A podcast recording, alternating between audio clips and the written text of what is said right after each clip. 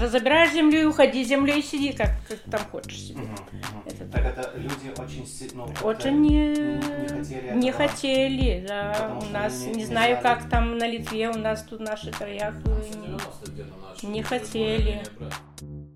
Ну и, и такие э, чудеса делались, как э, пе- перенос земли. Земля стала с недвижимого имущества, стала движимым имуществом. Да, это Вот, это, не знаю, где-то есть в мире или нету такое, но кое-кому это принесло большие доходы. Кто-то перенес под Вильнюс. Сейчас какой фильм снять, где развалины, не проблема. Некоторые Какой-нибудь замок, который там веками разрушался, так эти все фермы, если объехать, сами уж едете, видите. да, да, да. Руины. Руины, то, что было вложено деньги, деньги получены. Это Ну, капитал. история это, был, скажет, это капитал был, капитал Литвы, и он ушел в никуда. Эти голоса записаны в августе прошлого года, когда мы с молодым ученым Каролисом Домбраускисом отправились в деревню Бутримонис. 30 лет назад, когда упраздняли колхозы, эти люди сумели организоваться в сельскохозяйственное общество Бутримониса, которое сохранили и приумножили в 30 раз. Но у нас не пропало. У нас не пропало, у нас в 30 раз увеличилось. Те, которые вложили, например, 2000 в тех деньгах литах, вот теперь уже в пересчете на э, новую валюту, евро, значит, получается, что в 30 раз оно увеличилось. Значит, вот где-то 30 лет, и каждый год 100%, 100%, 100% и 100%. Значит, можно было и, и в других. Мы сидели на ярком диване в их совещательной комнате, пока внизу в огромной кастрюле варились голубцы для работников. Пили чай с конфетами и вспоминали коллективизацию и расколлективизацию, одеревнивание районного центра, Черную Русь и Павловскую республику, времена почета и забвения, а также керенки, жуков, коров и футбол. Что у нас централизовано, наш Шельчененко и город районный. Он скоро деревней станет. Полицию забрали, биржу Все туда забрали. они вы... Мокещу инспекции забрали в Вильнюсе, банки только один остались маленькие медицинские, так этих забрали, и работников вывезли Луминор банка. Электросети, электросети забрали, газовиков забрали, все забрали, тут уже деревня стала. Все централизует. А говорили, когда в Европу вступали, уговаривали нас, что в каждой деревне будет вот то и это, в каждой деревне булочная будет. Пойдешь, купишь свежую булочку, будет там э, масарня, это значит, где мясо перерабатывать, тоже будет. Так уговаривали, чтобы голосовали. А теперь из районного центра деревню сделали, а тут уже и говорить нечего.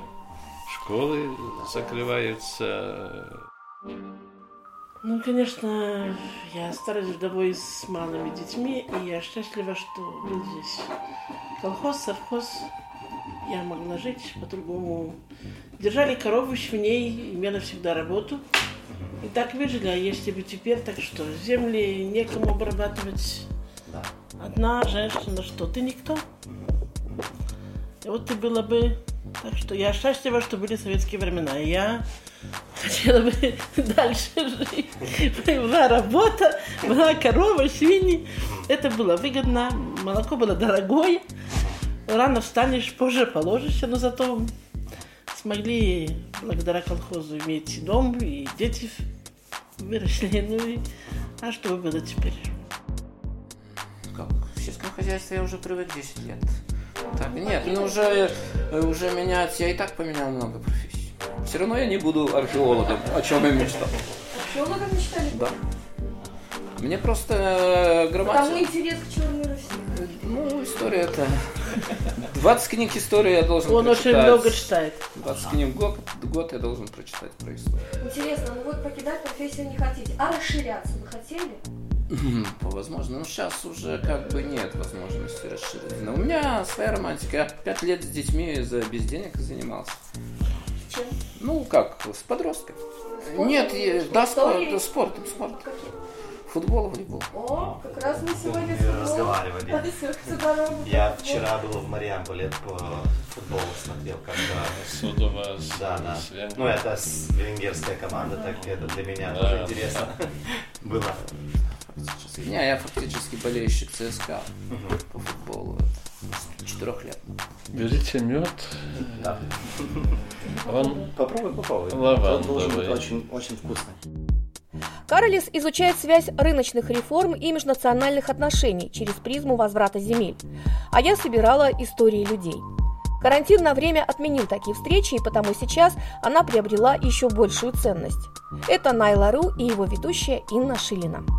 И почему я здесь? Так э, я теперь делаю свою докторскую работу, и а тема этой работы это во- э, возвращение земли, которая была на,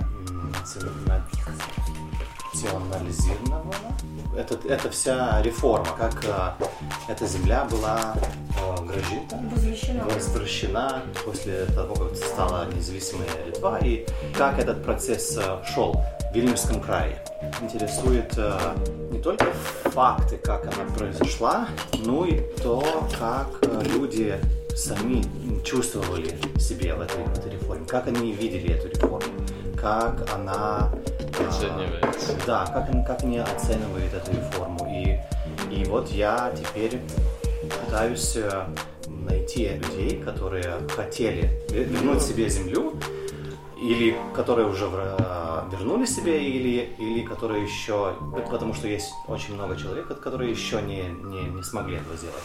И вот я делаю интервью и, и, и, пытаюсь э, м, супрасти, понять, как они видели эту реформу. Меня интересуют не только факты, но и, и истории. Мне так понравилась идея Каролиса. Когда ему понадобился человек, который говорит по-русски, я тут же согласилась поехать. Да, потому что... Хочу послушать с вами эти истории. Так, что Я мы- думаю, что здесь э, какие-то тайны мы будем говорить. Я тоже думаю, обычные Будем человеческие говорить истории. то, да. что Да. было, что, что мы ощущали, что... Да, мне вообще да. была очень интересная эта тема, потому что вот уже 30 лет произошло, да, и нет таких... Или они не опубликованы, мог- Исследования, или... научные Нет, нет исследования. научных исследований. Да, исследования. да. Это же такое Так дело сделали, такой переворот почему? сделали, и не знаем, хорошо или плохо оценивает Да, весьма э, целый народ. да, значит. да, да, да. Ну вот мы попыта- попытаемся эту тему теперь и ра- и раскрыть, и сделать то, что, что никто еще не, не, не делал в эти 30, э, 30 лет. Да. За старших. За старших, точнее. Хорошо. Ну, если с меня начнем, давайте так. Говорит Войтых Шилко, он руководил этим сельхозобществом с самого начала, однако недавно передал дела молодому коллеге. Войтых ведет свою личную ретроспективу от 60-х годов, когда в колхозах только отменили трудодни и перешли на денежный расчет. Все у меня стаж работы 53 года. 17 лет и без перерыва. Все науки заочно, которые надо было. И высшие, и, и специальность, и, и даже права шофера. Никогда студентом не был. Начал работать с 17 лет в сельском хозяйстве. И в сельском хозяйстве уже кончаю, фактически уже, ну, еще заканчиваю, но уже считаю, что кончил. Помогаю новому руководителю, который уже с июня месяца здесь работает, э, в этой сельхозобществе. И видел все это сначала, почти можно сказать, коллективизация. Она уже была, но еще шла на таком уровне прежних кадров от плуга без никакого образования у них не было, они руководили этими сельхозобразованиями, колхозами называемыми, вот как хозяева. Они некоторые даже записать то, что произвели, не умели, имели учетчиков. были учетчики, назывались там не бухгалтера, учетчики назывались. Они учитывали, там где-то статистика какая-то брала это все. Это были трудные времена, от людей забрали скот, от людей забрали всю упряжь, коня, что было основным орудием труда на деревне. У кого там несколько были несколько, люди были недовольны. Но со временем шла техническое перевооружение, появились трактора, появились э, комбайны. Людей уменьшалось постоянно, уже столько рабочих рук не нужно было. Но, как и всюду, наверное, одним словом плохо говорить нельзя. Было и хорошего. Было и хорошего. Было так, что каждый мог работать по своим возможностям и потребностям. Кто хотел в город, никто паспортов не забирал в Литве. Мог ехать. Мои одноклассники, большинство ушло в город средней школы.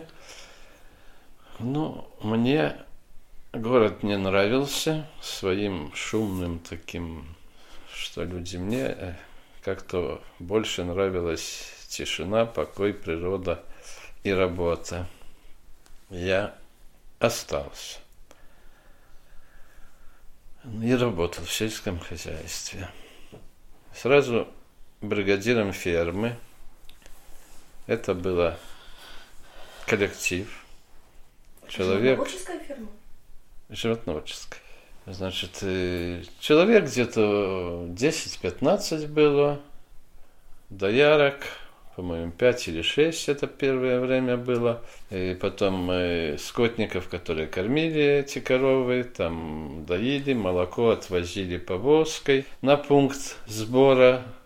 На пункте сбора уже там дальше шло оно.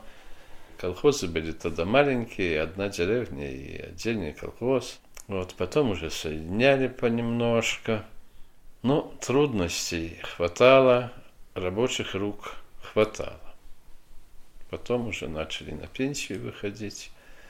Со временем ввели оплату денежную, потому что первое время была оплата трудодней, да. После войны так было. Да, вот это так отступление. Ну а сама приватизация, мое мнение, что сделано неправильно.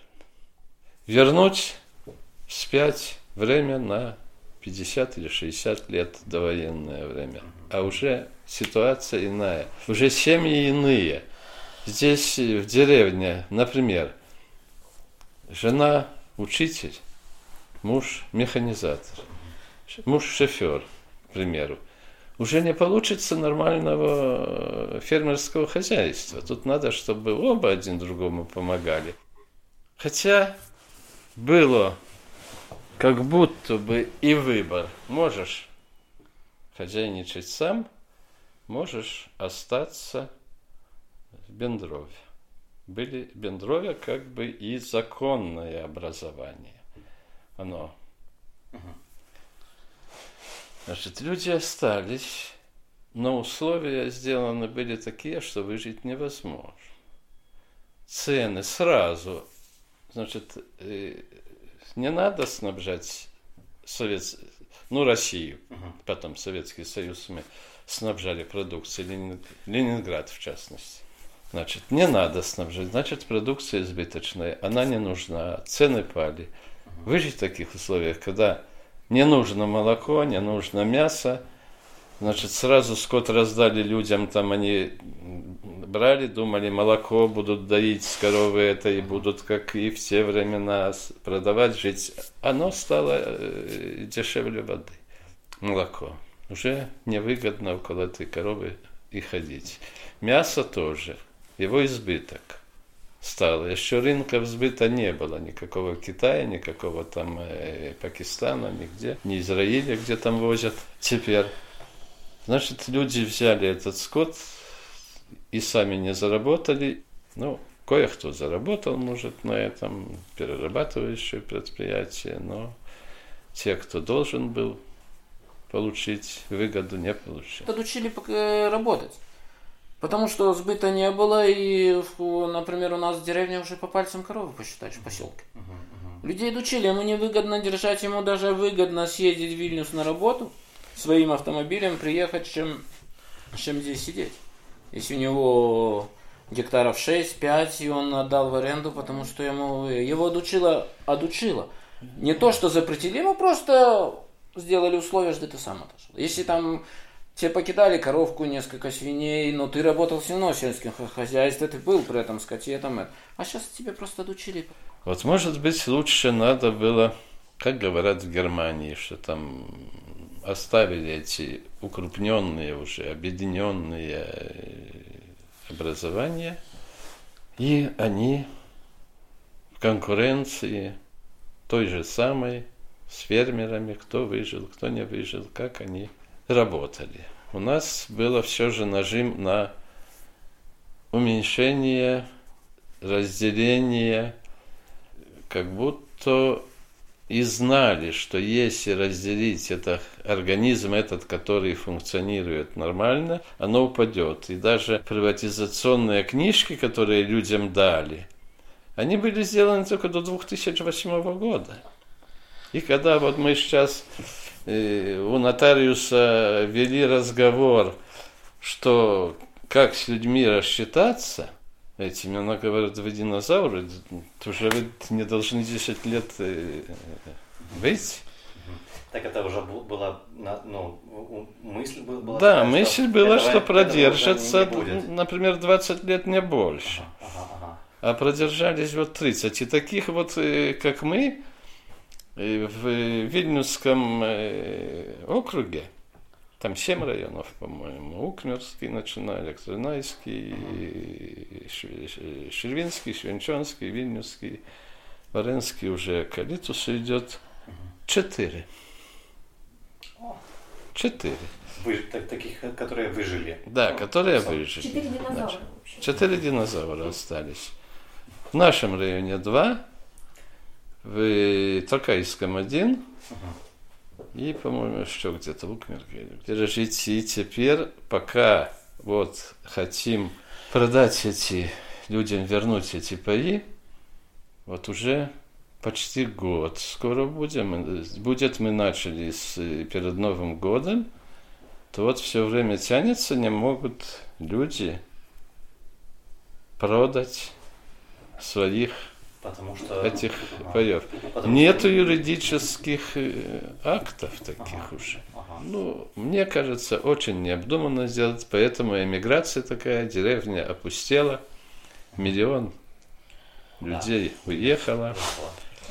И это, вот именно эта реформа сельского хозяйства здесь причинилась очень негативно и, и, и много к этому.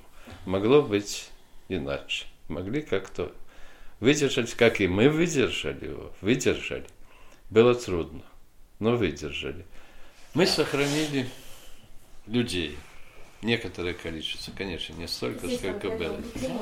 Эти люди имели работу, имели заработок, содержали семьи.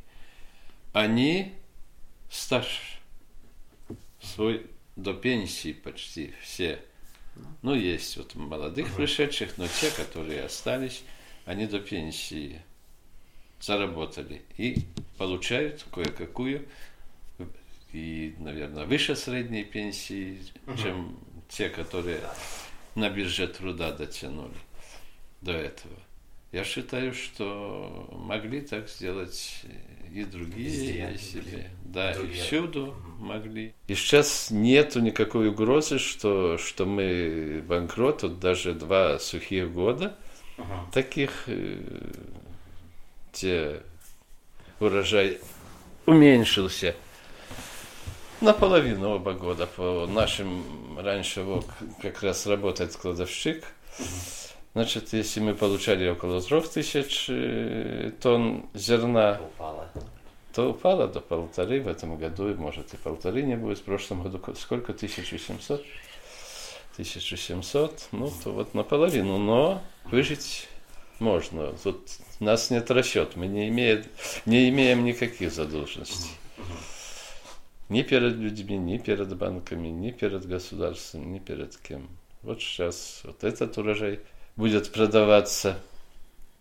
Немножко до этого выдержали.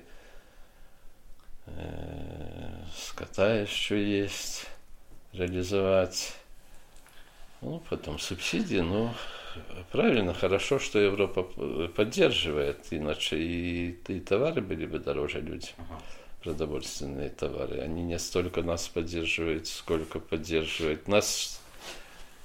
Это стимулирует работать, что мы не с минусом, так бы с да. минусом при этих ценах. Мы не могли бы продавать мясо, например, по полтора евро за килограмм.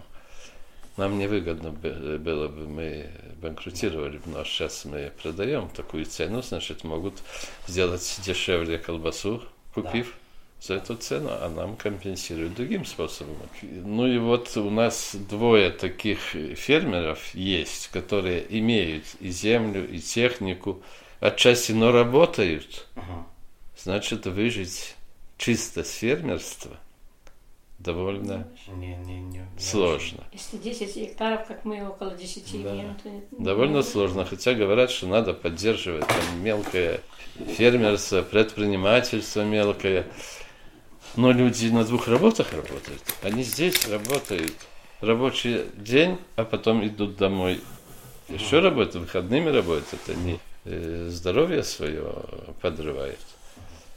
А вот Геля не могла совсем работать одна, потому что дети в город ушли, муж, э, к сожалению, умер. Вот, ну и такие люди тоже есть. Тоже должны жить. Я хотел и Пашу историю еще Ну, я, Елена, я здесь окончила школу, окончила Вильнюсский техникум бухгалтерского учета. Здесь пришла работать с 80-го года. Земли имею 6,5 гектаров, обрабатывать некому. Тут благодаря вот, что у нас есть бендрове, то арендует, а так, ну что. Где были ваши, ваши предки? Всегда. Всегда, да? Дедушка, и, здесь? Да, дедушка мой в 21 году купил здесь 25 гектаров земли. Он сам жил э, в Осове, но это считается Беларусь, но тогда было Грудинское, о, да. воеводство Грудинское было, это было... Польша. Ну, было. Это был один регион такой, да? Ну да. А он здесь купил, а он откуда-то приехал? Ну, он... Э, Гродненская область. Гродненская область, но раньше это была... Ну как? Одна область была. Одна была ну, здесь. Ну не совсем здесь Новогрудская. Ну... Новогрудское это новое воеводство. Ну, как... как теперь, то Беларусь это считается. Это было окраина Польши до 39-го. И вот Там здесь разные... рядом, 3 километра отсюда, здесь это... в Литве в 21 году купил землю 25 гектаров. Черная Русь еще со старых времен, эти, эти регионы. Полоцкая, там были они же Кривичи и Черная Русь. И потом уже только литовские князья начали отсюда отвоевывать эти земли. И что самое странное, Белой Руси как бы не просекается он много лет. А это уже с 12 с 11 века Черная э, Гродинская область. И вот угу. здесь Вятичи больше были, даже не, не Кривичи, Кривичи более северно. Это, но они это все время протирались. И... А Белой Руси я так не нахожу где-то к 18 веку, только первое упоминание о Белой Руси. А Черная Русь она была намного раньше. Именно вот Гродненская область это Черная Русь. Угу кто-то из князей. Да? Я, я хотел э, еще один вопрос задать. Э, мы вот говорили, что это было так, такое тяжелые времена, когда началась вся эта независимая Литва. А не было у вас э, так, такой мысли выехать где-то в, друго, в другой город в Литве или за границу?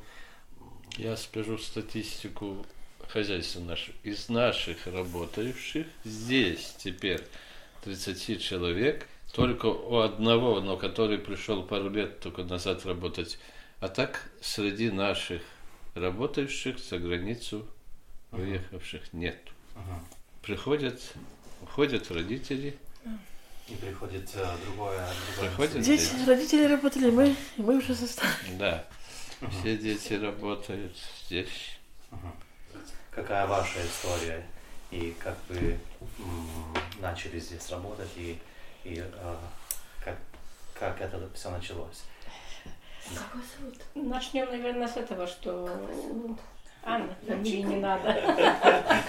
Анна Л. А Люса, э, две Н у вас Одна. или одна? Вот у меня тоже одна Н. Одна. Э, Когда-то писались две. У меня в свидетельстве о рождении Русском. написано две, а в Да. паспорте уже А одна. в паспорте одна. И мне тоже. Так, я э, училась в Колесниках, в Шевчинском районе. Э, Кончила среднюю школу, поступила в академию Кауновскую. Э, Специальность экономист-организатор. Э, Управление сельского хозяйства прислало мне здесь э, в Бендровью, в, этот во, Бутермонис, совхоз когда-то был, когда я пришла сразу работать. Ну и вот с 79 года, мая месяца, работаю Здесь. здесь. 40 лет работала. Ну, раньше нас было много, много специалистов. Э, Экономист был нужен. И то, теперь уже, э, как пошла приватизация, э, людей уменьшилось. Теперь я как бухгалтер работаю. Ну, что могу сказать о приватизации? Я оцениваю тоже как э, Положительную отрицательную, потому что э, имея э, около 10, 9, там, около 10 гектаров земли, хотя там, э, как работала, паи были, эти паи мы э, купили за паи, нам дали трактор, Ага. Технику. Э, Ну, трактор. Трактор, э, потом там прицепной там э, директор уже там, как говорится, по, по того, что то, то, то, то, там вот понемножку собирали, одним словом. Да, да, да, да. Но, но так как э, мы работали, и муж и я работала здесь в основном, мы не, не хотели оставлять работу и идти на землю, чтобы работать только На- на, на земле, себя. на себя. Мгм. Потому что мы знали, посчитали, что мы, как говорится, на нулях будем или, может быть, в минусе. Ага. Что это будет невыгодно. Да, будет невыгодно. Вот и поэтому э, мы этих э, 10 гектаров обрабатываем с помощью Мендрови, общины. Ну и вот работаем. Мгм, мгм. А как, как, как вы- я и, э, для всех этот во- вопрос э, хотел тоже э, задать. Как, вы- как вы пом- помните этот, этот, эти времена, вот ко- когда был, были э, э, э, когда вот стала независимая Литва, это дев- 90 90-е, Да, 90 Э, как, как, как, Да. да, как, как, какое, какое время это было? А, вот когда там эти реформы начали делать, как вы помните это, эти времена? Мы держались за работу. Мгм. Держались за работу. Не хотели э, даже думать, что где-то надо уходить, как Мгм. говорится, на этот вот. Держались. Мгм. Это хорошо, что у нас э, директор такой человек, который, который он, как говорится, все отдал, всю жизнь, все свои вот для, для людей, для, для, для общества и для нас. Мы поэтому, как говорится, и заслуга нашего директора, что мы здесь работаем. И, Это как коллектива, говорится, расширение. ну, тут, тут я от себя говорю. Мгм. Хорошо, хорошо. Этого. А- А, Поэтому... вот когда, когда вот, э, например, там политики или власти, она огла- оглашила, Огласила. огласила о произ- производстве реформы, что теперь не будет уже этих колхозов, будет, э, будет реформа. Как все эти реформы про- происходили, по-вашему? Так с этой земли мы не знали, что делать. Ее, ее как возвращали, как документы делать, возвращать или, или совсем. Некоторые вообще. остав- а Сколько там было земли, леса, то земли немножко взяли, леса не брали, потому что думали, что потом может, может э, как говорится, работы не, не будет, не дадут, ну, как работы не будет. А потом уже понемножку, понемножку видеть, что уже, как говорится, Вот поезд... Налогом боялись, что Ага. обложено налогом. Да, вот, вот идет мне, то- и, мне вот, это и, интересно. и налоги даже, да, да, Ага. думали, что налогами вложат, и Ага. надо будет очень, э, ну, платить за землю Ага, дорого.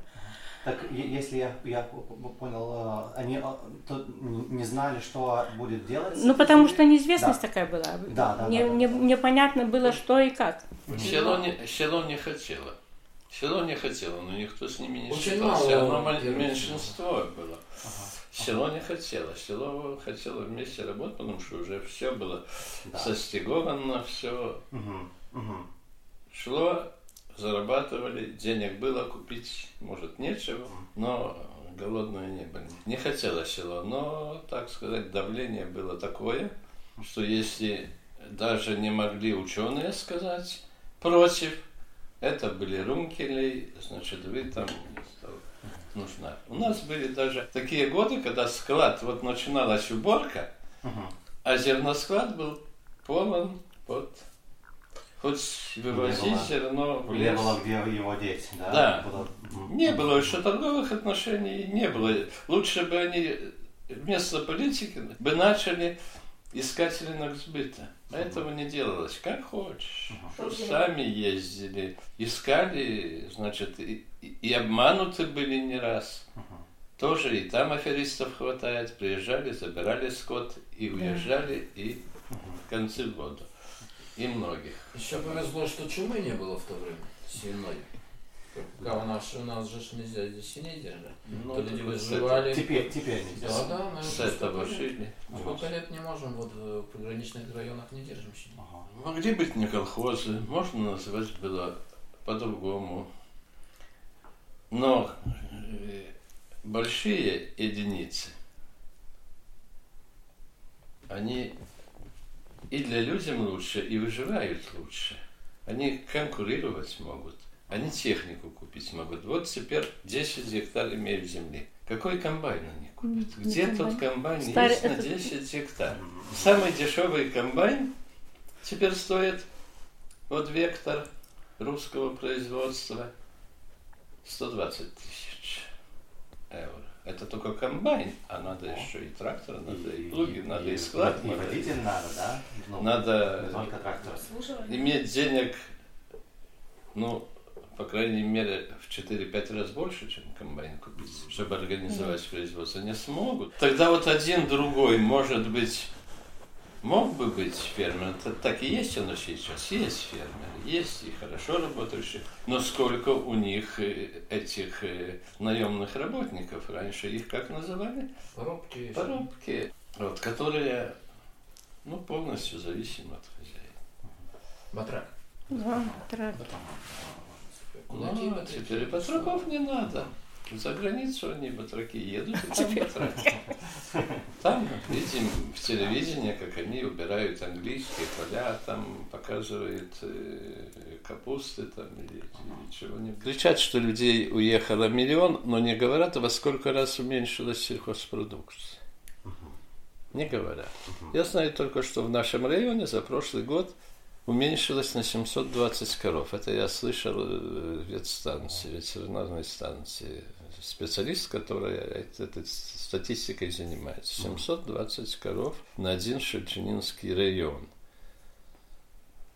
Э, я, у, у меня нет соображения, сколько, сколько это. Это в процентах, если в процентах, может быть, сколько их есть. И это уменьшится, может быть, за год, ну, может, не меньше 20% за год. Такими темпами еще один, второй, третий. И Ничего все, и, и все. И сейчас разговоры идут в телевидении, что, э, ну, значит, может быть, это специально, чтобы людям, что крупнорогатый скот виноват э, в потеплении климата, вот эти всех э, климатических катастрофах, но потому что его уменьшается, это вроде мы и, и правильно делаем, что его уменьшаем. Ну, будем э, червяков, значит, белковые есть, там, всяких тараканов и прочее, уже фермы есть. Да. Даже в Которые Литве. это- Да, и- уже в в Литве есть, да, уже? Да, в Литве есть уже. Показывали по телевидению, и котлет сделан, там их сушат, их там трут, их там и Будем- потом будем жить добавляют. с ними легче, они не болеют. Хотя Да. ну, везде болезни есть свои. С ними легче, они все поедают. Они вот травы, там мусор э, и развиваются в этой куче, значит, мусора, там они развиваются, дальше перенес опять. Они дальше идут, поедают все подчистую. Не надо Значит, они мыть, чесать. не теплокровные, они, значит, не улучшают, э, значит, не климат, э, Ага. потепление, это, значит, не дают эти, Да. эти газов в СО. Да. Вот. Скотт... э, Хотя не говорится, что машин у каждого стоит во дворе по 3-4, и они дымят. Корова столько не, не дымит, но, но машиной мы хотим ехать с машиной. Нам это выгодно. А корова там, этот рункелис, который обойдется и без этого. Вот такая вот политика. Интересно, а вы еще кто-то из вас помнит, или может через ваших бабушек, дедушек, вот именно те времена крепостничества? Вот мне вот всегда интересен этот вопрос. Помните Ну, какие-то... слышали, здесь есть история в нашем районе Павловского государства. А, да. Вот. Есть история, которая была отдельная. Значит, одна де- деревня сделала отдельное государство, отдельные деньги, э, своя полиция, свой суд и, и, все такое было. Это где-то вот э, это время они уже хотели, значит, немножко дать людям нового воздуха. Свободы. А ваши, ваши предки вот то время здесь уже жили?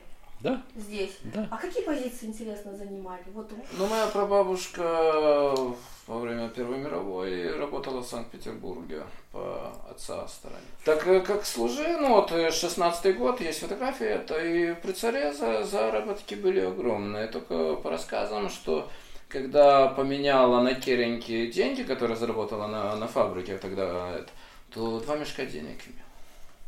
Это простой отсюда поехала попрацовывать, ну, работать в Санкт-Петербург. Тогда как раз во время войны набор был на военные заводы, чтоб, ну, это, то вот такая есть. Первая мировая. Первая мировая. А кем она работала? на Просто заводе? рабочим на, на рабочий получал на фабриках при царе очень хороший день. И чтоб не вмешательство Англии, был бы вопрос. Вся революция, я считаю, немцы уже помогли Ленину, а вся остальная революция это английская афера. Полнейшая. Простая рабочая поменяла день, э, свои деньги, что имела в, за- ну, в царском золотом ленте, там, поменяла на керенги два мешка. Сразу. Вот такая история, как вы спросили, что-нибудь помните про это. Мгм. Дедушка воевал э, с матерью стороны в 39-м во Львове. Оборону держал. Ну, как немцы шли в 39-м во Львове раненый был. Мне всю ночь лежал, говорит, так, ну, типа, и, ну, кто-то там что-то звуки выдавал, потом под утро тихо. И немецкая речь уже шла. Все, говорит, добьют. Нет, положили в госпиталь, оказали полнейшее это. И потом уже передали русским. И, а домой отпустили просто вот по этих местах. Проверяли, у кого руки чисто, уходили в лагеря, э, ну, с, э, сталинские, а и как рабочий из этого. И поэтому определяли Мозоль по мозоль. Еще одна история, ну, ценился со тут. своих, что я знаю. А сами вы пришли в сельское хозяйство? 10 лет назад, можно сказать. Нет, ну я с 2004 работаю фактически. Когда развал был, я уже ушел и поработал по разным. Це Лесная, э, в основном пилорамы, вот так. И до этого я работал, здесь работал, на цеху у нас было подсобное хозяйство, магнитофонных голов. Мы от фирмы работали здесь. И я потом уходил уже. И только де- последних 10 лет занимаюсь сельским хозяйством. А что конкретно делаете? Не, ну здесь тракторист э, работаю, а сам имею 40 гектаров земли, но фактически должен дорабатывать, чтобы существовать. Да. Что на своей земле делаете? Э, За ним, ну как, сею имею, ну скота немного, в прошлом году немного тут здоровье подвилял, а так имел быков больше. А так две коровы на сегодняшний день, на остальное рожь, овес, гри- гриков основная. Это, ну, мелкие, в принципе, э, фермер иначе не может выживать, потому что если пшеницу выращивать, это надо большие вложения, которые как бы не оплачиваются, потому что они оплачиваются при больших территориях. Да, ну, да, а так, больших, э, ты вложишь, и тебе уже можешь не вернуть на то, что ты можешь. Я там третью часть, если там эшелонки, но пусть на 10 гектаров пшеницы я не верну потом. Того. Надо простым старым, чем деды наши. Чем деды занимались ваши? Все деды занимались в наших э, ну, территориях, ну, это, это рожь сеяли, овес и гречка, основная, основная Сельская. сельская, сельская. Тут же песок, наверное, так гречка очень хорошо раз, раз Ну, Растет. это, это гречка растет от того, но она растет у нас, да, но как пчела работает. А, да. Если много пчелы, это, как говорится, с гектара она может и дала бы 4 тонны, но так в основном до тонны гречка дает с гектара. Свою продукцию. Сколько пчела успеет Ну? Опыление через пчел. Не перелетит с одного цветка на другой, и останется он непыленный и не, не- не будет зерна. А, А, как вас зовут? Ива. Тогда еще хотела спросить, как вы думаете, вот э, м, как, какая роль э, была э, тогда и теперь э, вот э, тех людей, которые э, в обществе, как, то- тех людей, которые работают с землю, а, вот э, в советские времена и теперь, можно, можно сравнить это, это, э, как, как? И теперь э, у нас услышать про сельское хозяйство по нашему телевидению, по сводкам, очень редко. Мы слушаем, я каждый вечер слушаю русское, белорусское и литовское телевидение. Время есть, включаешь, послушаешь вести оттуда, оттуда, Ага. оттуда.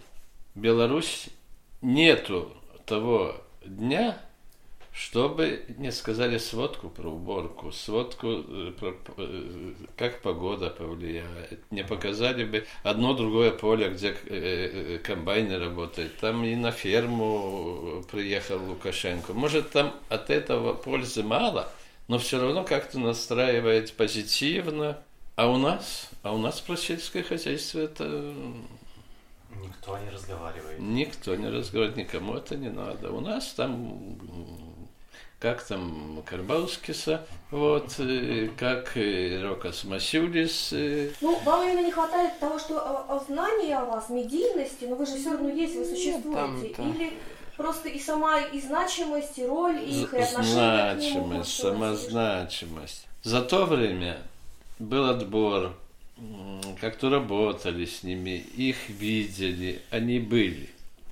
Сейчас, чтобы сельский работник где-то комбайнеры лучшие, подведение итогов это было. В газетах, каждая газета выходила на первой странице сводка о как сельхозработы идут, какие хозяйства впереди. Сейчас уже этого абсолютно нет. Я за то время, да, старался работать, значит, и с 27 лет начал руководить хозяйством. До этого другие там по лестнице этой шел. Я имел три государственных награды. Вот, они у меня еще сохранились для истории, для внуков, правнуков. Это советские награды? Да, да, советские. А какие это были? Я чувствовал себя, ну, как, что я что-то сделал, что я что-то, чего-то стою. Вот. Награды были за трудовую доблесть, э, трудового красного знамени, орден, э, медаль. А сейчас есть какие-то эквиваленты именно для... Эквиваленты, может, и есть, но сейчас больше получают творческие люди, э, там, артисты. Ам, я хотел а, еще один вопрос задать. Вы вот, э, когда разговаривали, вы, у, у вас такая метафора была, ну, не, не знаю, я уже не, ну, не первый раз ее слышу, и, и мне вот э, ин- интересно она. Вы сказали, там по- по- поехали с- с, э, там на Литву. Есть ли тут это отношение, что этот э, регион как-то отличается от, от Литвы, или может, можете вот рассказать про это? А, или, ну вот мне просто, просто интересно, как, как, а, как эта метафора, потому что я уже не, не, не первый, не первый раз ее слышу, и эм, а, мне вот просто интересно, как она что мы не в Литве. Да, мы красные все время. Мы с красным флагом остались красные. Мы остались от тех советских времен красным районом. Как бы быть. Это вопрос даже, я поработал на Литве, когда леса пилил, все, наверное, отовсюду, как человек воспринимают. Даже литовец, если он нормально, он с тобой нормально и общаться будет, и будет и по-русски, и по-литовски будешь, там что-то, ну, на это. Але основная масса, то как бы более политическая эта структура нас uh-huh. клонит к тому. С вами была Инна Шилина и Найла Ру.